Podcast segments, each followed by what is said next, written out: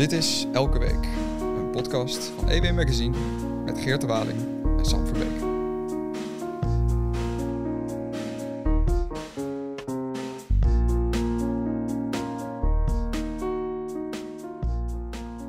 Hi Geert hè? Hi Sam. Het is een, uh, het is een politiek uh, bewogen week, maar niet alleen dat. Want uh, de gevierde columnist die is, zit geveld thuis met, met corona. Hoe voel je je? Uiteindelijk wel prima. Ik probeer niet te veel te hoesten deze sessie. Dan komen we doorheen. En zo kijk ik ook een beetje naar deze dagen.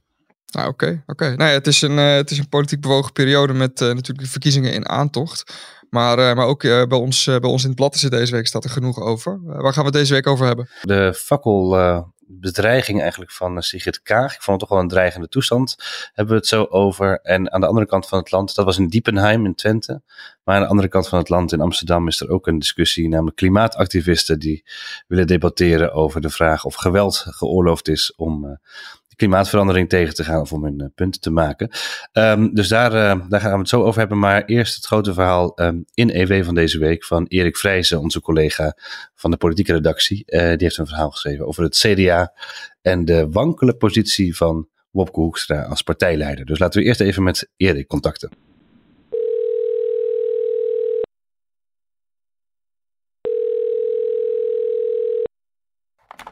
Dag Erik. Goedemorgen. Goedemorgen, Erik Vrijs, uh, onze collega van de Haagse redactie van EW. Uh, ja, je hebt een artikel geschreven deze week in het blad, ook online te lezen. Ja, een zware klap wacht het CDA en uh, de positie van Hoekstra is ook wankel als partijleider, Wopke Hoekstra. Um, ja, het is een flink stuk. Jij hebt op achtergrondbasis met allemaal CDA'ers gesproken. En ja, wat even in je eigen woorden samen als je wilt wat de bevindingen waren. Nou, de bevindingen zijn dat ze echt um, schrikken van de peilingen. En, en dat er een bloedbad wordt verwacht op 15 maart op de staat, bij, het, bij de statenverkiezingen. Het CDA wordt opnieuw gehalveerd. En dat kan ertoe leiden dat ze in de, in de Eerste Kamer uh, nog maar zo'n vier zetels overhouden. En dat, uh, kijk, de peilingen zijn nu dat het CDA toch altijd vier bovenaan in het Nederlandse politieke landschap. Uh, maar dat het CDA nu is wegzakt tot een tiende positie. Zelfs de Partij voor de Dieren is groter, uh, volgens de peilingen. En dat heeft natuurlijk consequenties. In die partij is een, ja, ik heb het een veenbrand genoemd in mijn artikel. Ja, en waar heb jij die, die veenbrand heb jij geconstateerd? Maar dat betekent eigenlijk dat je, als je die metafoor even doortrekt, uh, dat je dan, dat je dan met, met een pijlstok in het veen bent, aan, aan het prikken bent en dat je erachter komt dat er overal uh, rook uitkomt, zal ik maar even zeggen. Waar heb jij je oor te luisteren gelegd binnen de partij? Ja, dat, is, dat zijn niet de eerste de beste. Kijk, ik, ik, heb, ik heb al lang verslag gedaan van wat er in het CDA aan de hand is. Al eigenlijk al, een, al sinds 1994 en, en, en zelfs nog daarvoor. Um, dus ik ken die partij vrij goed. En ik weet ook wel bij wie ik moet zijn om onvrede uh, te, te registreren. Maar in dit geval is het niet zomaar onvrede. Het zijn echt wel mensen die ertoe doen. Ook in de fractie. Ook in de, in de bestuursfuncties van het CDA. En, en dus heus niet uh, zomaar even een, een een uh, gefrustreerde wethouder die, die vorig jaar zijn uh, baan is verloren. Of een, een uh, statenlid of een gedeputeerde die dit jaar hetzelfde gaat overkomen. Nee, het leeft diep in de partij. En, en Hoekstra krijgt nog wel steun van de bewindslieden. Maar dat is ook logisch. Want die heeft hij zelf aan een baan geholpen, ruim een jaar geleden. Hij heeft ze uitgezocht. En hij krijgt ook nog wel steun in het dagelijks bestuur van de partij. Uh, de partijvoorzitter heeft me ook bezworen dat Hoekstra doorgaat als uh, partijleider. Dat is Hans Huibers, de partijvoorzitter. Maar juist in die kring daaromheen zit een brede laag van mensen die, hebben, die, die zien met ledenogen aan hoe het CDA onderuit gaat. En ze vinden er moet echt iets gebeuren. En wat niet met zoveel woorden in het stuk staat, maar wat ik wel heb gehoord, uh, is namelijk, ze verwachten ook dat, dat Hoekstra aftreedt. Ik heb dat niet opgeschreven in het verhaal, omdat hij zelf uiteindelijk met een quote kwam uh, en uh, om dit uh, krachtig te weerspreken. Hij heeft gezegd dat hij de, in ieder geval tot 2025 wil doorgaan. Eigenlijk hoe, hoe deze uitslag straks bij de statenverkiezingen ook uitvalt. Hey, en Erik, want dat is natuurlijk misschien nog wel het pijnlijkste. Dat, uh, dat uh, van, natuurlijk de top, die, die blijft hem altijd wel steunen. Dus een beetje zoals bij eigenlijk in een voetbalclub. Dat de directie allemaal zich achter de trainer schaart en de volgende week vliegt hij eruit. Um, maar uh, er is natuurlijk wel wat meer aan de hand met het CDA. Buiten dat er slechte peilingen zijn, zie je ook dat er, dat er eigenlijk steeds meer, steeds meer prominente leden uh, weglopen. Uh, we hebben het, het laatst gezien met die meneer die bij het Wetenschappelijk Instituut werkte.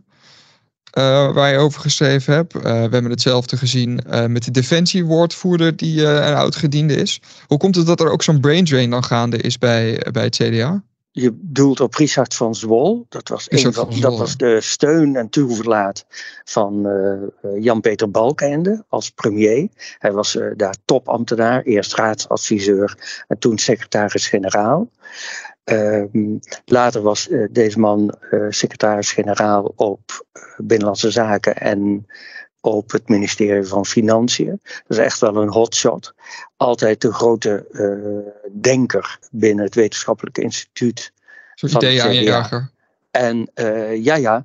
En hij is ook degene geweest die het rapport uh, over de laatste verkiezingsnederlaag van het CDA bij de Kamerverkiezingen heeft opgesteld. En dat is een belangrijke rol natuurlijk, want dan moet je de echte lessen trekken uit zo'n uh, zo'n nederlaag. Nou, die heeft dus vorig jaar gezegd: ik stop ermee, ik heb geen tijd meer. Althans, dat is wat hij in, in eigen kring heeft uh, gezegd. Ik geloof ook wel dat het moeilijk te combineren was met zijn rol als lid van de Raad van State. Want dan mag je eigenlijk niet al te partijpolitiek zijn. Ja hij mocht nog wel zo partijpolitiek zijn dat hij in ieder geval dat uh, rapport voor de, over de verkiezingsnederlaag heeft opgesteld voor het CDA. Dus dat kon kennelijk wel, maar die is kennelijk toch moedeloos uh, afgehaakt. En voor een hele generatie CDA's was dat een, een, een noodsignaal. Als ja. zelfs Van Zwol ermee stopt. Ja, Wat, maar natuurlijk hoe, ook. Hoe, uh... mensen maken zich gewoon en terecht, denk ik, twijfels over het voortbestaan van, het, van, het, van hun partij, van het CDA. En dat raakt ook, daarom is een belangrijk verhaal, denk ik, voor Elsweer. Het raakt de continuïteit van dit kabinet. Ook in de Precies. VVD uh, hoor je dit geluid.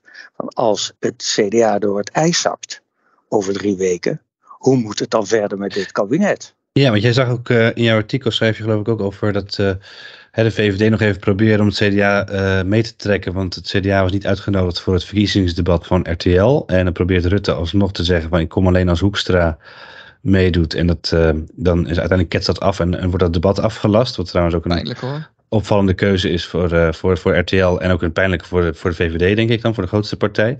Um, maar uh, dus, dus er wordt heel veel verwacht van die, uh, van die verkiezingen. Vooral BBB is een grote concurrent voor het CDA. Er zijn ook wat lagere echelon CDA'ers al overgestapt of dreigen over te stappen naar BBB of naar jaar 21. Um, je merkt ook, wat, wat is eigenlijk de rol van Omtzigt nog in dit verhaal? Want die is natuurlijk nog onafhankelijk Kamerlid, heeft nog steeds geen eigen partij uh, opgericht. Maar er hangt wel een enorm zwaard van Damocles in de vorm van Pieter Omtzigt boven, boven het hoofd van uh, CDA, toch? Ik denk dat als uh, Pieter Omtzigt een eigen partij gaat oprichten. Uh, wat hij nog steeds niet heeft gedaan, maar wat, wat wel boven de markt hangt. Als hij dat doet, dan komen heel veel actieve CDA's zijn kant op die associëren zich met, met omzicht en met zijn kritische rol ten opzichte in het parlement en met zijn, met zijn kritiek op het kabinetsbeleid en op uh, premier Rutte in het bijzonder. Daar ja. is, dat, dat, dat, hij kan zeker veel mensen mobiliseren. Dat is ook wat ik hoor van veel criticasters in de partij. Ja, de ene man die het, uh, die het CDA scherp hield, die moest eruit. Die hebben ze weggepest. Dus er is veel onvrede die, die hunkert eigenlijk uh, naar om zich voor een terugkeer naar het CDA. Ik denk niet dat hij dat nooit doet. Maar als hij met zijn eigen partij begint, dan trekt hij het CDA voor een belangrijk deel leeg. Dus dat zou voor hun een grote tegenvaller zijn. Er zijn ook veel mensen die, die stappen nu over naar uh, de boer-burgerbeweging. Uh, en, en er zijn er nog meer, denk ik, die denken van ja, wij proberen als CDA een beetje ja, naar oplossingen te streven. Wij zoeken altijd een middenpad. En, en ja, in de politiek vandaag de dag werkt dat niet meer. Daar worden we niet voor beloond. We moeten eigenlijk, net zoals Caroline van der Plas, een beetje een makkelijke verhaal gaan vertellen. Van wij, het stikstofprobleem is makkelijk op te lossen. Dat, uh, dat, uh, uh, dat is zelf gecreëerd door de politiek. En als we daarmee ophouden, dan is dat probleem uit de wereld dat, dat gevoel leeft wel in de partijen. En ik denk ook een hoop kiezers zullen overstappen naar, naar BBB. En er zullen ook wel CDA, actieve CDA-leden zullen naar die partij overstappen, of hebben dat inmiddels al gedaan om naar, uh, om naar Van der Plas te gaan, omdat ze het in eigen kring niet. Ze zien er gewoon geen gat meer in. En, en ja, ik heb altijd contact met iemand uit Twente en die, die voelt dat de, de zaak van, eigenlijk wel aan hoe het daar ligt. En die zegt altijd tegen mij van ja, als ze net hun belasting of hun, hun lidmaatschap hebben betaald, dan blijven ze nog wel een jaartje lid van het, uh, van het CDA. Maar ja, elk, elke keer komt die Accept Giro en dan vragen ze zich toch af, moet ik ermee doorgaan? En ja, en, ja ik zie wel een soort leegloop in het CDA. En, en Erik, jij kent het CDA goed. En ik denk dat we allemaal hier zullen erkennen dat het een, doordat het een fusiepartij is, dat het een ontzettend moeilijk te managen club is. Je hebt natuurlijk een linkskamp en een rechtskamp, progressief, conservatief, protestant, katholiek, Noord, Zuid. Um, maar Wopke, is, uh, Wopke Hoekstra is daar natuurlijk de leider. Um, heeft, is er een tijd geweest dat hij dat wel een beetje heeft kunnen managen? Dat hij die, dat hij die, die club toch een beetje verenigd heeft weten te krijgen? Nee, dat is, kijk, dat bloedgroepenverhaal, uh, zo heette dat altijd. Uh, je had de, de ARP-bloedgroep, de CAU-bloedgroep, die waren beide protestants-christelijk. En je had de KVP-bloedgroep, de, de, de, katholieken van huis uit. En dat is eigenlijk een beetje het zuiden en de regio's als Twente. Terwijl die andere, dat, dat, dat is toch wel vooral de noordelijke provincies. En, en westelijke provincies. En uh, ja, een echte eenheid. Dat in, uh, als ze succes hebben, dan is het geen probleem. Maar als het slecht gaat, dan, uh, dan, dan leeft die bloedgroepenstrijd, die, die leeft weer op. En het gaat nu al een paar jaar slecht. En, en onder de hele periode Hoekstra gaat het slecht. Dus nee, hij heeft niet uh, tot een eenheid kunnen, kunnen smeden. En maar ik Erik... denk dat dat alleen maar erger wordt de komende weken als die uitslag van 15 ja. maart bekend is. Maar de vraag is ook een beetje, als we denken, als we jouw verhaal lezen, dat het, uh, nou ja, 2 voor 12 voor Hoekstra is misschien al wat aan de vroege kant. Um, uh, maar die partij heeft natuurlijk al veel langer dit probleem. Dat Sam ook zegt, hè, de fusiepartij sinds de 1980 ongeveer.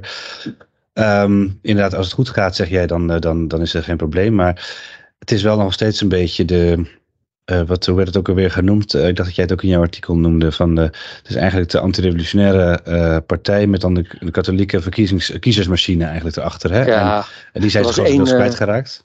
In het stuk staat één actieve CDA, zeer actieve CDA moet ik zeggen, van, van katholieke huizen. En die zegt, toen CDA in 1980 werd opgericht en, en, voor het eerst aan verkiezingen ging meedoen, toen waren uh, de AFP'ers, die waren bang dat CDA één grote uh, KVP zou worden. Vanwege de massa in Limburg. En Vanwege de massa, ja. Het KVP was natuurlijk groter. Ja. En daar waren ze bang voor, dat het één grote KVP zou worden. En hij maar wat zegt nu, en wat, wat weten we dat het is geworden nu? Een kleine ARP. En die katholieken voelden zich helemaal uh, weggezet. Uh, door, uh, nou ja, ze hebben geen positie meer. En, en ook dat vertrek van Raymond Knops dat leeft in het zuiden wel heel. Dat wekt toch heel veel bitterheid. Eh. Ja, kun jij beknopt iets, toch... uh, iets zeggen over, over die positie van Raymond Knops? Want dat is ook interessant. Die was uh, een Kamerlid en ook minister, staatssecretaris. Ja. Kijk, hij defensie, was, defensiespecialist. Hè? Ja, defensiespecialist, ja. maar hij mocht geen minister van Defensie worden, want hij was geen vrouw. Ja. En dat was al bij de voorvorige kabinetsformatie. Nou, bij de laatste kabinetsformatie mocht hij helemaal niks worden. Toen moest hij gewoon terug de Kamerfractie in. Hij mocht niet meer in het kabinet, omdat hij geen vrouw was. Nou, hij heeft geprobeerd. Uh, Knops was altijd wel degene die, die uh, de belangen van het zuiden verdedigde in het CDA. En, en daar werd hij ook om gewaardeerd en ze vertrouwden hem. Ik heb wel eens een, een interview met hem afgenomen. En dan was hij eigenlijk wel voorstander van de opnieuw oprichten van de KVP.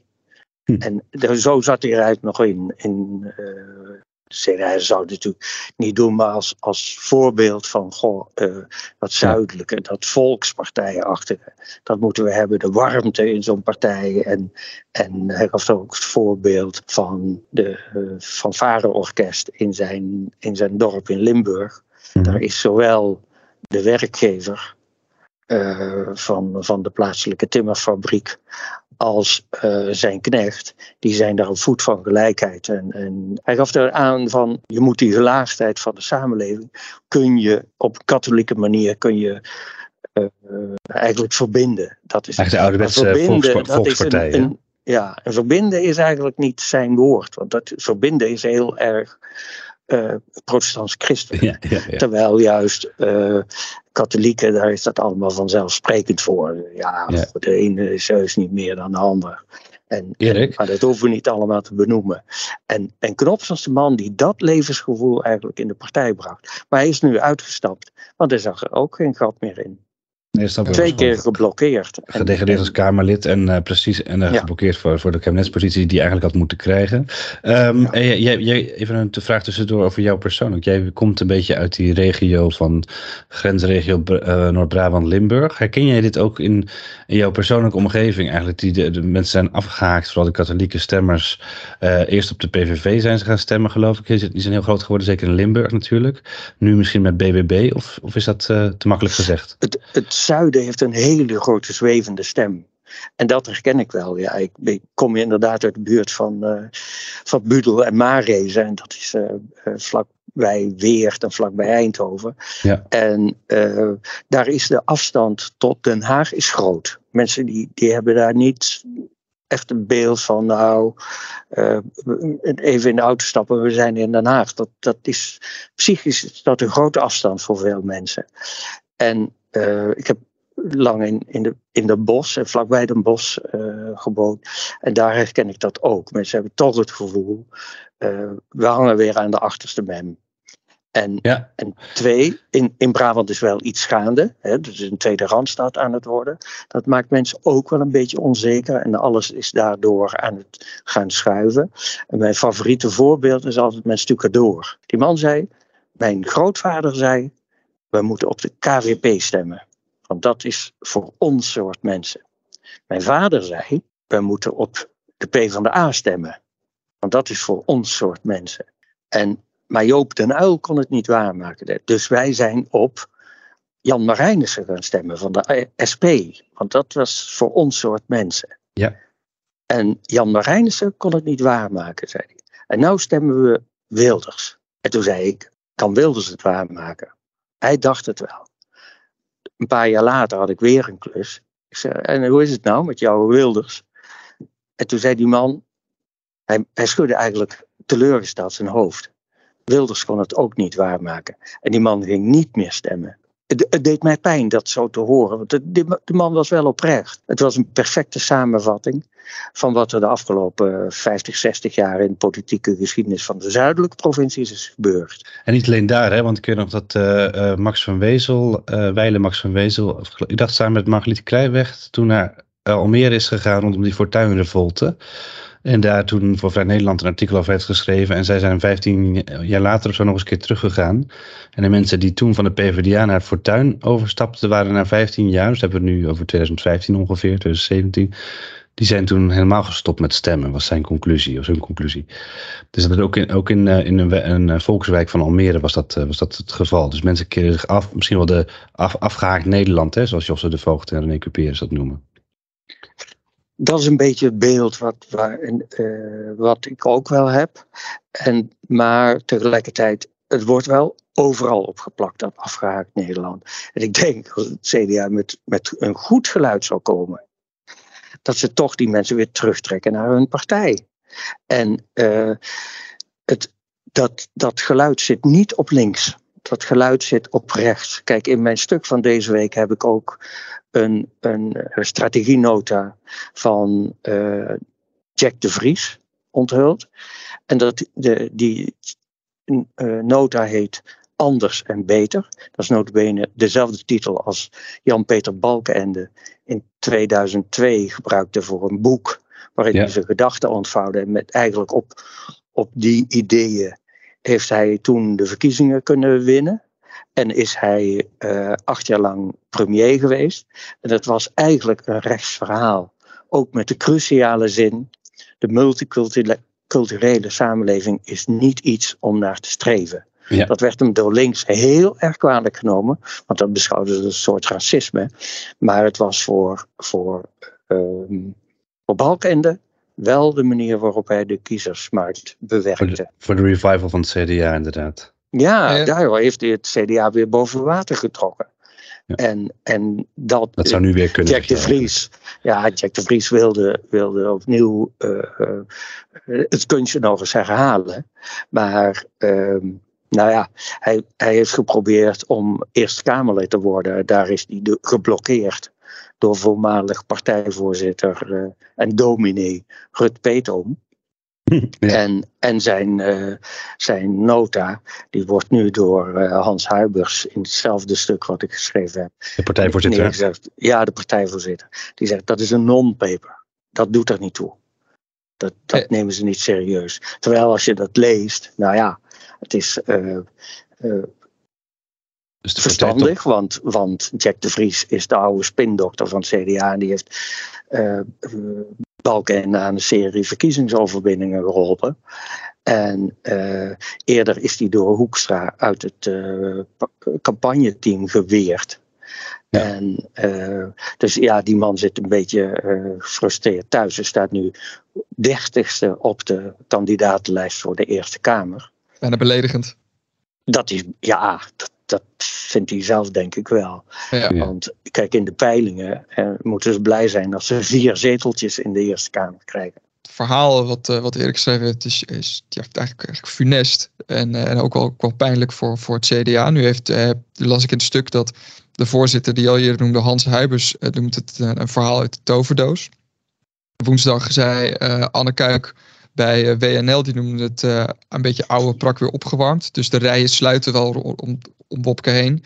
Maar dat zijn alleen maar de rijen aan de top. Eh, hoe, hoe, hoe reageer jij op, op dit soort uh, ja, verweren? Ik, ik, ik, wist van tevoren dat ze met het verhaal zeer kwalijk zouden kunnen nemen. Ze hebben ook enorme druk op mij uitgeoefend om het niet te publiceren. Maar tegelijkertijd uh, ik vind, uh, ik ben journalist geworden om dingen te onthullen en om, om, uh, ja, om, om de nieuwsgierigheid van mensen te bevredigen. Ik wil het liefst stukken schrijven met informatie die mensen nog niet weten. Ik wil mensen verrassen en niet alleen maar bevestigen, ja. zoals wel vaak gebeurt, bevestigen in wat mensen toch al dachten dat waar is. Ik wil mensen, ik, ja, je wilt toch dingen onthullen. Dat is even, even, de reden waarom je Anne... journalist. Ja, sorry, over zo'n Anne Kuik. Zo'n Kamerlid die staat er nu heel erg uh, fel uh, in de media. Dan reageert ze en staat ze achter Hoekstra als partijleider. Maar is die Tweede Kamerfractie nou wel zo blij uh, met een, een, een, partijleider die ook minister Kijk, van Buitenlandse Zaken is? Kijk, ik snap dat zo kort voor de verkiezingen iedereen moet zeggen dat Wopke Hoekstra het ja. fantastisch doet als uh, uh, partijleider. Ja. Ik snap dat ze dat moeten zeggen. Ik snap dat het gewoon niet anders kan voor hen dan om dit te zeggen. Maar ik weet wel dat er in die fractie ook grote uh, kritiek op Hoekstra leeft. Op de manier waarop hij de partij leidt. Om een voorbeeld te geven, toen hij ruim een jaar geleden per se minister van Buitenlandse Zaken wilde worden. Toen heeft de hele fractie unaniem gezegd: Bobke, niet doen. Je kunt niet deze dubbelfunctie. Je kunt niet en partijleider zijn en als minister van Buitenlandse Zaken voortdurend uh, op reis in het buitenland. Dus ook deze week. Hij zit nu in New York. En, en dat is allemaal prima. Wat ook in het stuk staat, uh, trouwens, is dat hij het als minister van Buitenlandse Zaken uitstekend doet. Ook in die Oekraïne-crisis heeft hij echt precies de goede reflectie gehad vanaf het begin. Oostflank van de NAVO versterken. Oekraïne helpen met wapens. Gaandeweg steeds zwaardere wapens. Hij loopt nu zelfs voorop internationaal. Bij het mhm. leveren van, uh, of bij het bepleiten van leveringen van jachtvliegtuigen en F-16's aan Oekraïne. Dus daarover is, daarop is geen kritiek.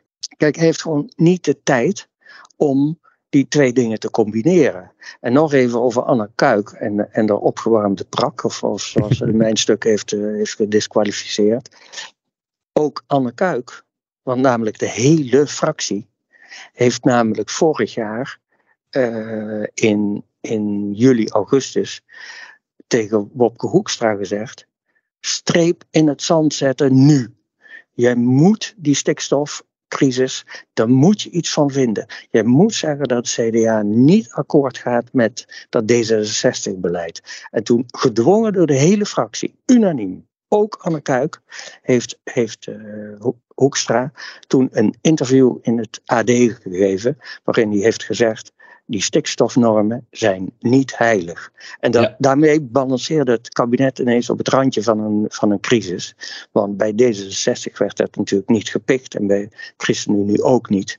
En, en het CDA uh, eh, was daar toch een beetje uh, buiten boord aan het spelen. Dat vonden ze. Ja, daarmee... ja, ik heb twee kleine vraagjes inderdaad. Want dat is, uh, zou het een idee zijn als Hoekstra na een verkiezingsnederlaag opstapt en wel minister van Buitenlandse Zaken blijft? En de andere vraag is, heeft de CDA er niet heel veel baat bij om juist nog een zetje extra te geven en die coalitie te laten klappen, omdat dat de enige manier is waarop ze nog een beetje geloofwaardigheid kunnen krijgen voor de Tweede Kamerverkiezingen?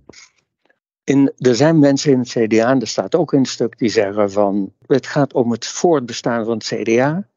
En we kunnen die partij alleen nog redden door te breken met dit kabinet. Ja. Er zijn er ook in het CDA die zeggen van ja, maar als we dat doen, dan laten we wel een hoop mensen in de steek. Ook die agrariërs, waarvoor wij willen vechten om een goede uitkoopregeling. En nu, en, en zo, en, een, en een, uh, de zogenoemde pasmelders, die laten wij dan in de steek. En dus, dus kunnen we dat niet doen. Want dan weten die mensen zeker dat ze aan, aan uh, GroenLinks en, en D66 zijn overgeleverd. daarover twijfelen ze. Dat is een discussiepunt. en, en Hoekstra uh, afzetten en wel handhaven als minister, is dat een optie? Um, ik, ik denk dat ze maar dat hangt van de, van de, van de, de, de ernst van de klap af. Op de avond van 15 maart. Er zijn een aantal mensen die zeggen over en uit met Hoekstra. Hij is in ieder geval geen partijleider meer. En heeft een prachtig argument om te zeggen van sorry, ik dacht dat ik het kon combineren. Maar ik kan, dit is onmogelijk. En ik moet nu voor het landsbelang kiezen. En, en het partijbelang is daar helaas aan ondergeschikt. En een ander moet het maar doen. Daarover wordt in de partij ook flink gespeculeerd hoor. Er is niet zoiets als een kant-en-klaar scenario van op, op de avond van 15 maart gebeurt dit en dit en dit. Dat zal zo en zo laat zal uh, Hoekstra de, de pers toespreken. En, en binnen een kwartier hebben we de opvolger klaarstaan in de, in de vorm van nee. uh, Marnix van Rij. Uh, maar wat ik wel beluister is, ja, dit is wel een, een reëel draaiboek. Zo zou het kunnen gaan. Maar Marnix Vrij mag, niet, mag, Vrij mag niet van zijn vrouw, las ik in jouw artikel, toch? Ja, dat wordt ook gezegd. ik, weet, ik, heb eerlijk gezegd de vrouw van Marnix Vrij niet gesproken. Oké, dan weten we in ieder geval wie je niet hebt gesproken. Ik, zou, ik, ik begrijp de vrouw van Mark van Rij wel dat, uh, dat ze dat niet wil. Want, uh, bedoel, uh, dat betekent niet dat de veen, veenbrand dan geblust is. Uh, Erik, um, Geert en ik willen je ontzettend bedanken dat je even tijd had uh, om, uh, om ja, met ons hierover in gesprek te gaan. Ja, wellicht voor de, voor de, voor de statenverkiezingen gaan we graag nog een keertje met je in gesprek. Dan, dan nemen we ook de andere veenbranden eventjes onder de loep. Ja, heel goed. Het, het brandt overal in Den Haag. ja. Dat jou Erik houdt in de gaten van ons. Dank je. Zo, dat was de veenbrand. Zo, bij het CDA. Ja, het, uh, het, ik, wist, ik wist wel dat het niet goed ging met die partij. Maar het is zo mooi dat Erik dan uh, precies ook al die mensen op de achtergrond spreekt. En uh, het is natuurlijk een stuk op basis van veel anonieme bronnen. Maar ja, Erik heeft wel geloofwaardigheid. Want zoals hij zei, is hij al bijna 30 jaar volgt hij, dat, volgt hij die partij. Dus ik, ja. ik, geloof wel dat, dat hier echt iets aan, aan de hand is. En dat dit artikel misschien wel het laatste zetje is voor het partijleiderschap van Rob Koekstra. Ja, vergis je niet, Erik is al zeker bij het CDA ontzettend goed ingevoerd. Want hij was ook de eerste die meldde dat, uh, uh, dat Pieter Omtzigt uh, zou gaan vertrekken. Ja. Die kwam daar ook eerder mee. En eh, toen, toen werd het ook van alle, alle kanten in het CDA werd dat keihard ontkend. En een dag later was, het, was het tabé. Dus nee, ja, het, en met alle respect, we zien aan de buitenkant ook heel goed hoe het met het CDA gaat. Ja. Uh, dat de leden zich roeren. Is niet gek, toch? Misschien is er wel iets voor te zeggen dat ze minister hadden. Eerst Hugo de Jonge als partijleider die een ministerpost had. Waarmee hij natuurlijk in de coronatijd meer dan genoeg op zijn bordje had. En die, die kon het ook niet bolwerken. En dan werd er behoorlijk aan zijn stoelpoten gezaagd. Door het Hoekstra-kamp ook. Nou ja, toen hebben ze Hoekstra natuurlijk leider gemaakt. Ja, die is minister van Buitenlandse Zaken geworden. Althans weer. Die is van Financiën in het oude kabinet naar Buitenlandse Zaken gegaan. Ja.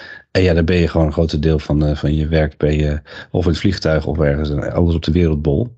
Ja, ook toen hè, werd er natuurlijk gewoon binnen en buiten het CDA werd er natuurlijk meteen uh, lag de vergelijking met Van Mierlo lag op de loer. Ja. Die, die natuurlijk exact hetzelfde gedaan had. Ja, het, het, het, is eigenlijk ook waanzin dat je daarvoor kiest. En ja, kijk, het is wel zo toen hij koos, koos voor die post. Toen was het conflict in Oekraïne natuurlijk nog niet aan de gang. Ja. Maar jeetje, Nee, inderdaad. Uh, maar goed, er was dus altijd al genoeg werk geweest. En uh, wat dat betreft herken ik ook wat Erik zegt. Dat Hoekstra in ieder geval naar buiten toe in zijn baan als minister is hij goed bezig. Maar ja, het is, het, is, dat, het is misschien wel een rode draad in de geschiedenis van het CDA. Dat juist het meebesturen en de verantwoordelijkheid nemen en, um, en ministers leveren. Dat het eigenlijk ook misschien wel ten koste gaat van de eigen partij. Dus dat er altijd een discussie is van wat doen we in het algemeen belang. Zoals Erik net ook zei, blijven we zitten in deze coalitie omdat we de die boeren willen, willen helpen? Of, uh, of, of, stappen we eruit uit electorale overwegingen om de partij te, te, te redden? En weer wat of groter te kunnen maken. Het is een machtspartij, het is een bestuurspartij en uh, ja, het is ook een, een, partij met vele, vele kloven en uh, zuilen, zoals jij ook mooi aangaf. Het is een fusiepartij die eigenlijk nooit echt waar je in ieder geval de oude bloedgroepen nog heel duidelijk in terugziet. En dat, is, ja. uh, dat zijn iets te veel kloven binnen één partij misschien. En misschien, ik vind het trouwens helemaal niet zo negatief dat er dan andere partijen voor in de plaats zouden komen. Als maar uh, het geluid als het van die oude volkspartij maar voldoende aanwezig is in de politiek. Geert de Waling juicht weer een zetelroof toe. Uh, Allemaal eruit stappen, zou ik zeggen. Alle overleden CDA's. Ja. ik, ik, heb wel eens gezegd, op naar de 150 fracties in de Tweede Kamer. Dat was een beetje gekscherend, maar ik denk wel dat het helpt. Zo'n versplintering, uh, maar daar moeten we een andere keer nog maar eens over praten. Als er weer eens iemand uit de politiek, of uit de fractie gestapt is. Uh, maar dat het helpt die versplintering om, om meer de samenwerking op te zoeken. En het debat in de Tweede Kamer goed op te poken. En dat is wel goed in de democratie. Dat moet dit jaar nog wel lukken, denk ik. Ja, en dan was er nog uh, natuurlijk op zondag uh, het bezoek van Kaag aan uh, Diepenheim in Twente voor een politieke discussie, een debat in het kader van de verkiezingen. En zij werd daar opgewacht buiten die locatie door een groep ja, boze burgers, boze boeren, ik weet het niet precies, mensen met fakkels in hun handen.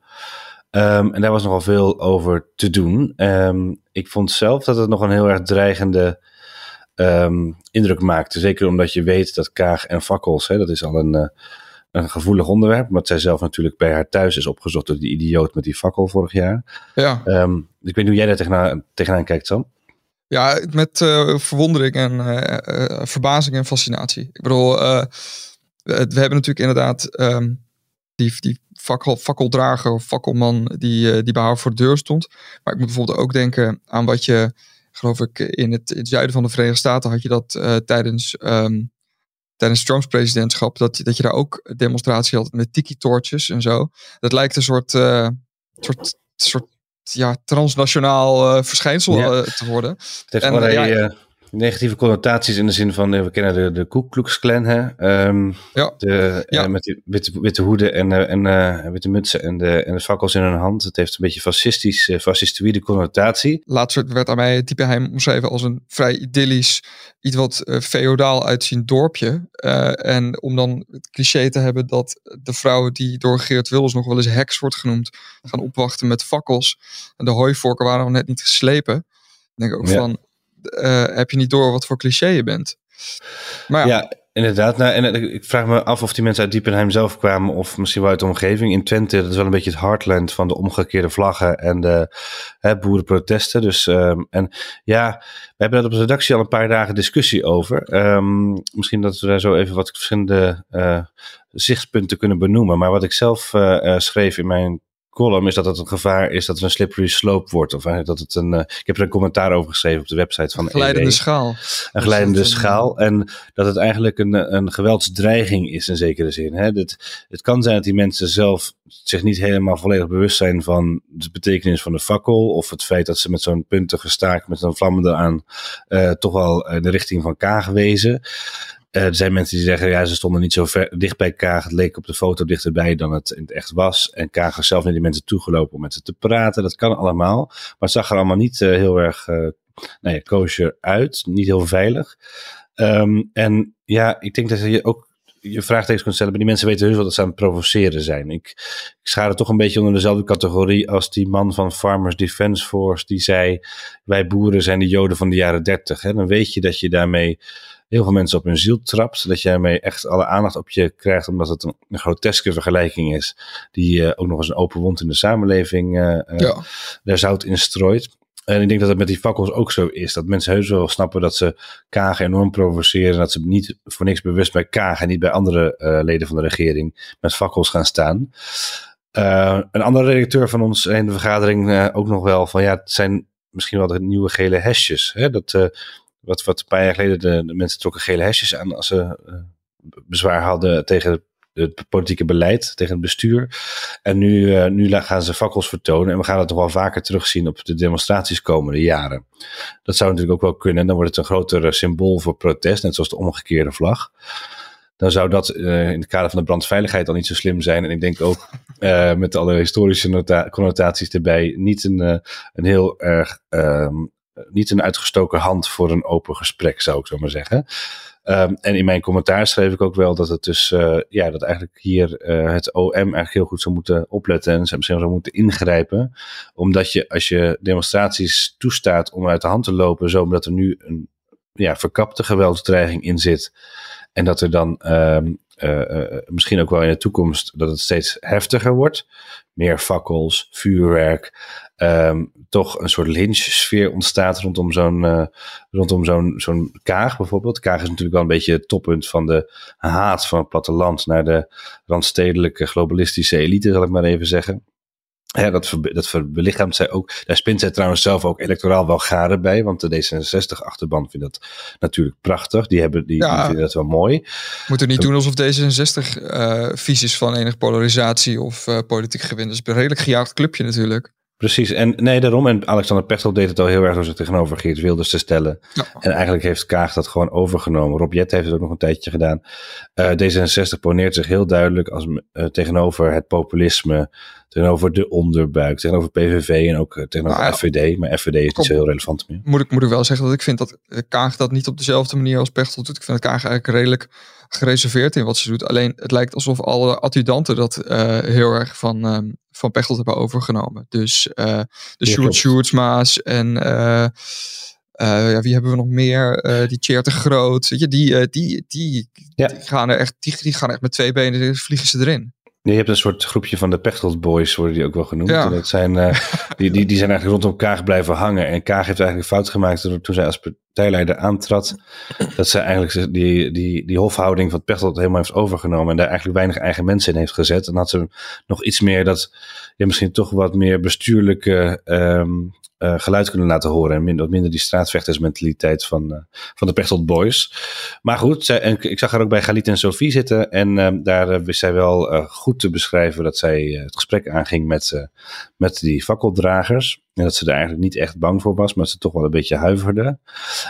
ja, kijk, je zag ook wel, ze kreeg er alle ruimte om zich daar aan, ja, zeg maar, zich daar goed op te stellen. En zich goed neer te zetten bij, bij Galit aan tafel. En dat hij dus, uh, of was bij Sophie, ik weet het even niet meer, een van de twee. Um, en dat, hij, dat ze daar, dus daar ook wel weer spa, uh, garen bij spint. Maar uh, goed, dat, dat neemt niet weg dat, het, dat, dat zij daar echt geprovoceerd werd. En dat ik dus in algemene zin zou zeggen, kijk goed uit met dit soort demonstraties. Die worden nogal snel gewelddadig, of die krijgen een gewelddadige symboliek. En, uh, en dan daarmee uh, bedreig je ook het echte demonstratierecht. Dat je namelijk vreedzaam mag demonstreren in Nederland. Dan maak je andere demonstraties ook automatisch verdacht. En krijg je straks een situatie dat bij, al, bij elke kleine demonstratie er een grote ME-eenheid moet komen om te voorkomen dat dat uit de hand loopt. Dus ik was daar huiverig voor, dat schreef ik in mijn commentaar. En dan, dat was dan zeg maar, laten we het even de, de geweldsdreiging op rechts noemen. Ik weet niet of deze mensen per se heel rechts zijn, maar in ieder geval de, de, de boze, boze boeren en burgers op het platteland. Even een conservatief randje. Het conservatief randje. Overigens vond ik het heel goed dat Caroline van der Plas meteen zei dat dat idioten waren. En dat die nitwit noemden ze geloof ik. En dat ze, die, uh, dat ze, dat ze op, op moesten zouten met de fakkels. Dat vond ik wel een hele sterke van, van Caroline uh, meteen. Dan zie je ook dat zij zich daar niet toe laat verleiden. Um, maar um, aan de andere kant heb je natuurlijk het uh, activisme van de nou ja, Extinction Rebellion. Daar hebben we vorige week uitgebreid over gepraat in onze podcast. Ja, sommige um, jongeren. Sombere jongeren, precies. Uh, nou ja, of in ieder geval activistische jongeren. En um, zonder dat gesprek nou weer te willen herhalen.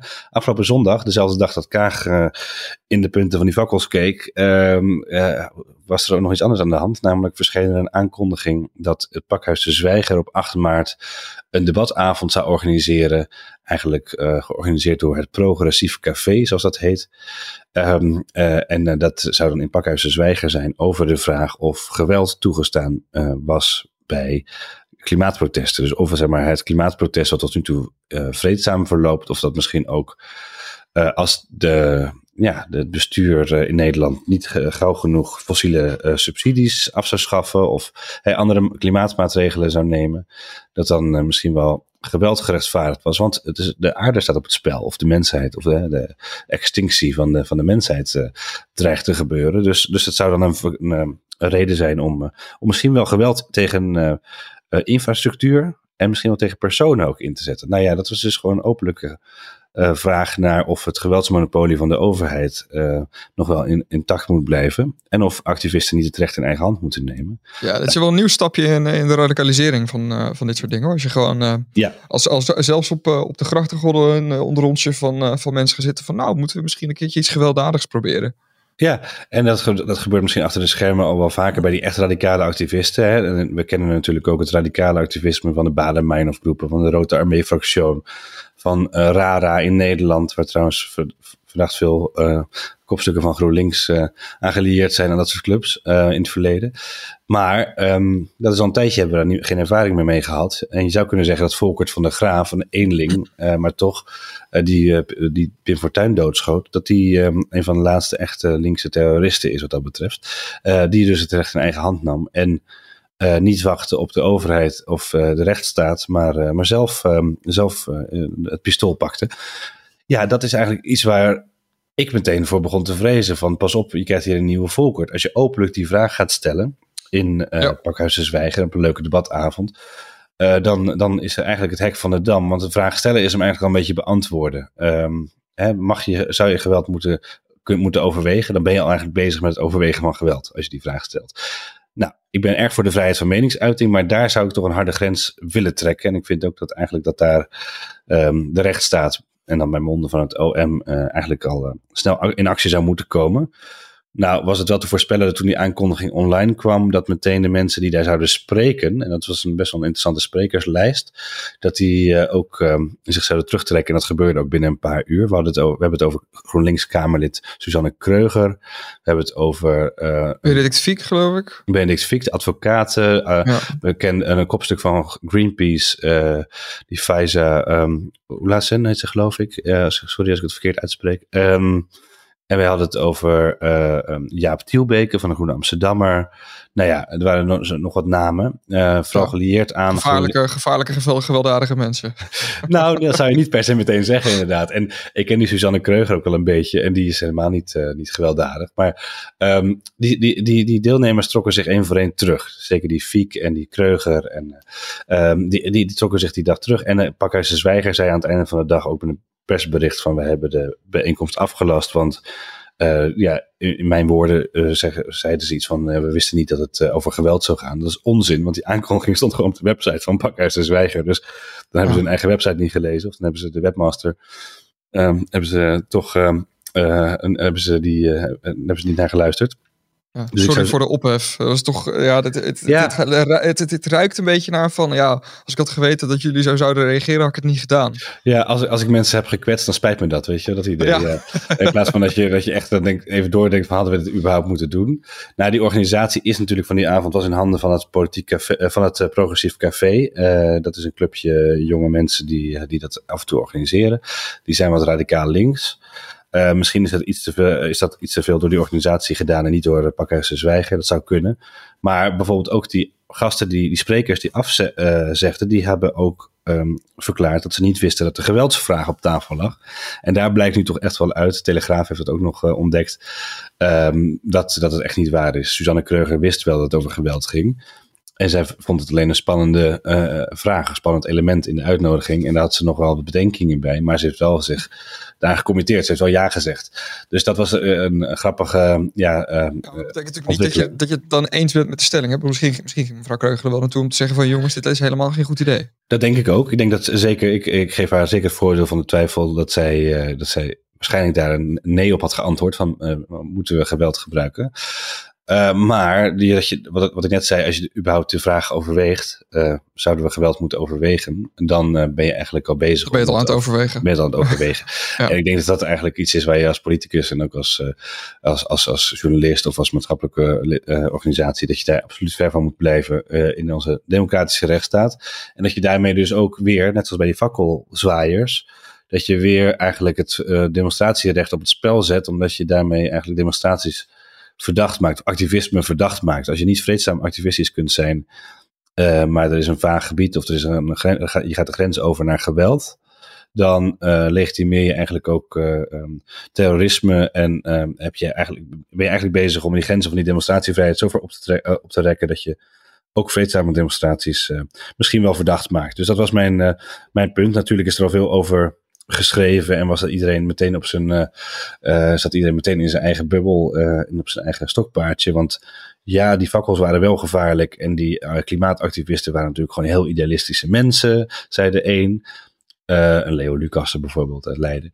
Um, of een, uh, een ander zei, ja, nee, maar linksgeweld is altijd al, kijk maar naar die terroristen uit de jaren 70 en 80 en kijk maar naar het communisme en Maoïsme. En het zijn altijd al uh, levensgevaarlijke lui, maar die fakkeldragers, dat, dat zijn gewoon onschuldige mensen, zoals Laurens Buis ook, ook, ook als standpunt innam. Dat is een onschuldig symbool, weet je wel. En zo werd aan beide kanten meteen weer de stellingen, de, de, de loopgraven werden weer ingenomen. Dus weer uh, polarisatie op de, op de vierkante millimeter werd dit. Uh...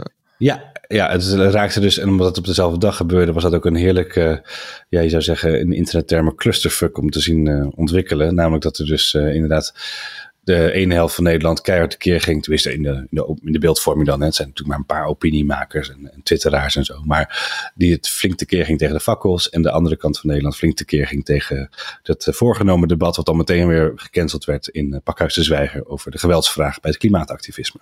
Ja, conclusie, beide slecht idee. Het is niet handig uh, om ja. fakkels mee te nemen naar een politieke bijeenkomst. En het is ook niet handig om de geweldsvraag ter discussie te stellen. Zeker niet. Ik denk dat als Extinction Rebellion gewelddadige dingen gaat doen, dat weet je, als je gewelddadige dingen gaat doen, dan krijg je geweld terug. En ik weet niet, ik zie dat helemaal voor dat de klimaatactivisten in elkaar wordt geslagen en dat er heel snel klaar is met zijn activisme ook.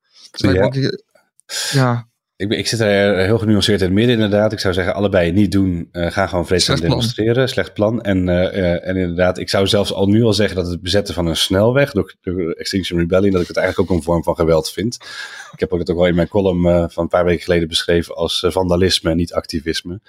Ehm, dan, is, dan ben je eigenlijk al uh, voorbij je demonstratierecht, ben je gewoon eigenlijk vandalistisch bezig, omdat je een snelweg blokkeert, infrastructuur, et cetera, mensen in gevaar brengt. Maar goed, dat is mijn persoonlijke standpunt. Maar ergens, in ieder geval vind ik dat je alle, allebei de gevallen gewoon niet doen. En laten we maar gewoon het, de vrijheid koesteren om in alle vrede met elkaar van mening te verschillen en te demonstreren. En dan kun je zelfs Sigrid Kaag opwachten voor een stevige discussie, maar dan liefst zonder fakkels.